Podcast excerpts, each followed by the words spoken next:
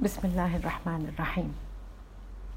يقول الكاتب الفلسطيني أدهم شرقاوي شكرا لسيدنا يوسف. فمن قصتك تعلمت أن بعض الناس يكرهوننا لمزايانا وليس لعيوبنا. فقد كرهوك لأنك جميل وطيب ولا تشبههم والناس لا يريدون من يذكرهم بنقصهم. شكرا لسيدنا يوسف.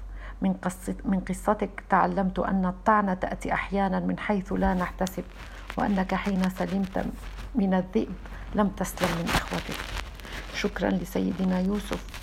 من قصتك تعلمت ألا أقصص على الجميع كل خير وهبني الله إياه لأن البعض عيونهم ضيقة وقلوبهم أضيق ينظرون إلى ما في أيدي الآخرين أكثر مما ينظرون إلى ما في أيديهم. شكرا لسيدنا يوسف. من قصتك تعلمت أن المجرمين يلبسون أحيانا ثياب الناصحين. فقد قال إبليس لأبيك آدم هل أدلك على شجرة الخلد؟ وقال إخوتك لأبيك يعقوب إنا له لناصحون وإنا له لحافظون. شكرا لسيدنا يوسف. من قصتك تعلمت أن بعض الشر أهون من بعض وأن الناس كما يتفاوتون في صلاحهم يتفاوتون في شرهم.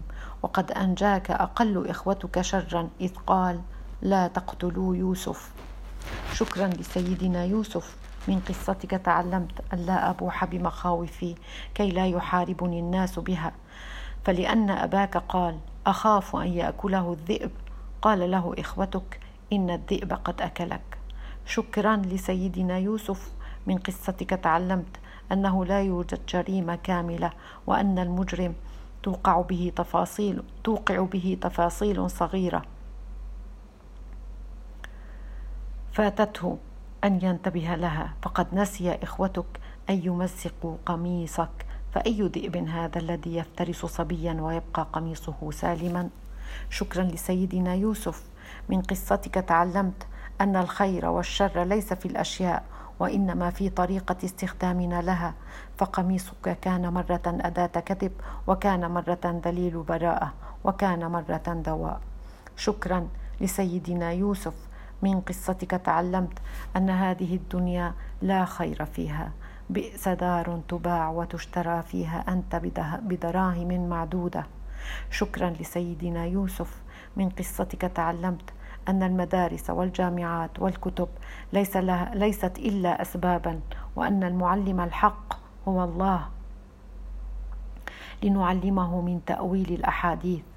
آتيناه حكما وعلما وأن الله يهب العلم على قدر التقوى. واتقوا الله ويعلمكم الله وأن المسألة لم تكن يوما مسألة عقول بل مسألة قلوب.